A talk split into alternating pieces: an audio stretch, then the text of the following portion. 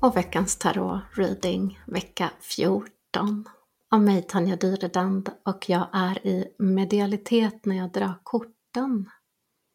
Den här gången älskade du får du ett kort, det första kortet för hjärnan.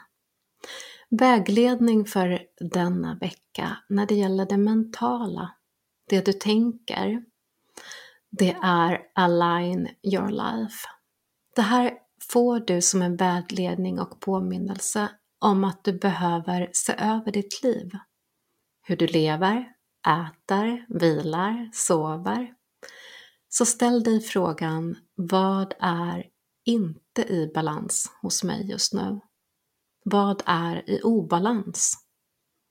Och när du väl hittat eh, vad som inte är i balans, ställ dig då frågan, hur kan jag få mer balans just här?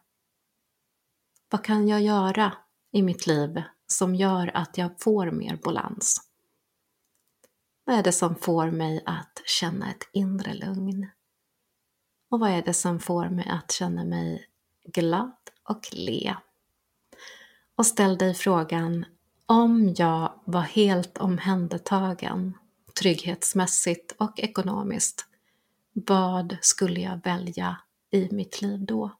Vad skulle jag fylla mitt liv med då? Min vardag, min hobby, som återhämtning. Till kroppen denna vecka får du vägledning med kortet 10 eld.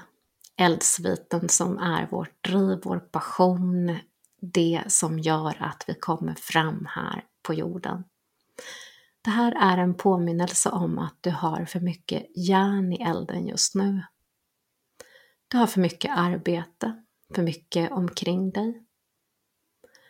Att bli varse om att eh, man också med stressen kan få lite hälsobekymmer, så se upp lite granna för det just nu. Och se om eh, du kan ta dig lite extra tid för återhämtning. Det här är också kortet som påminner dig om att ta hjälp av andra. Vet du, bästa du, du behöver inte göra allting själv och alltid finnas för alla andra.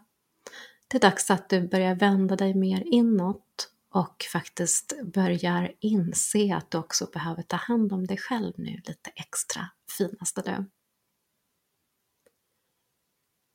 Till hjärtat denna vecka så får du vägledning 3 i vatten. Vattensviten som är djupet utav våra känslor.